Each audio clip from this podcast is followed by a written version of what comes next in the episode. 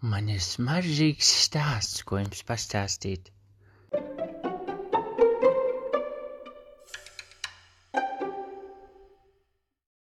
Kāds maziņš franču vīriņš ar mazām, mazām ūsinām sacepa mazu, mazu krosānu kādā mazā, mazā Francijas piepilsētas būdinā.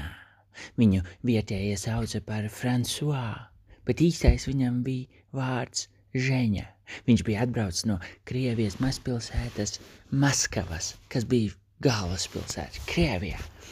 Bet viņš bija asimilējies šajā vidē, mazajā ciematā un palicis par Francijā. Viņš tajā dienā izcepa tādu smalku, tādu smalku krosānu, ka blakus ejošais vērsis pagrieza acis savas un paostījās un aizgāja likās mazliet smaidītams. Paloži, kas lidoja tālu uz Francijas dienvidiem, izmeta loku vēlreiz gar Frančiskā maiznīcu un paostīja, kā smaržo šis mazais, mazais krosāns.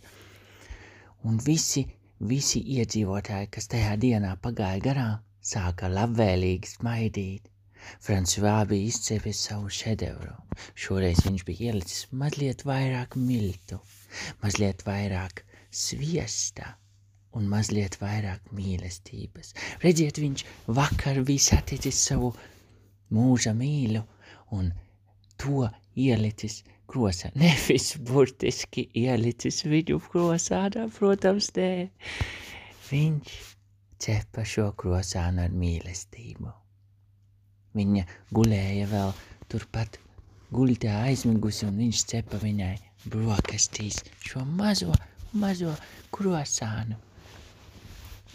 Un smarža piepildīja ne tikai istabu, bet caur atvērto logu izlidoja ārā un kā vēsma aizp aizplīvoja visā mazajā ciematiņā.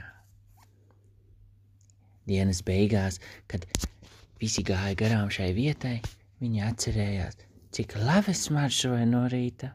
Hm, Francijā gan ir pacenties, rīt es noteikti nākšu šeit vēl. Un tur iebūvēja galveno magistrāli pēc vairākiem desmitiem gadu, jo to magistrāli sauca par Fransuā Krosānu.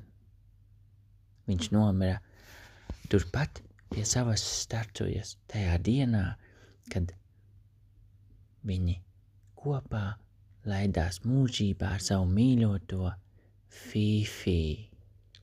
Fransuā un Fifi dzīvoja līdz 99 gadiem, un viņi bija lielākie maiznieki visā ciematā, kas vēlāk kļuva par ļoti augošu uzņēmumu Fifi François Croissant.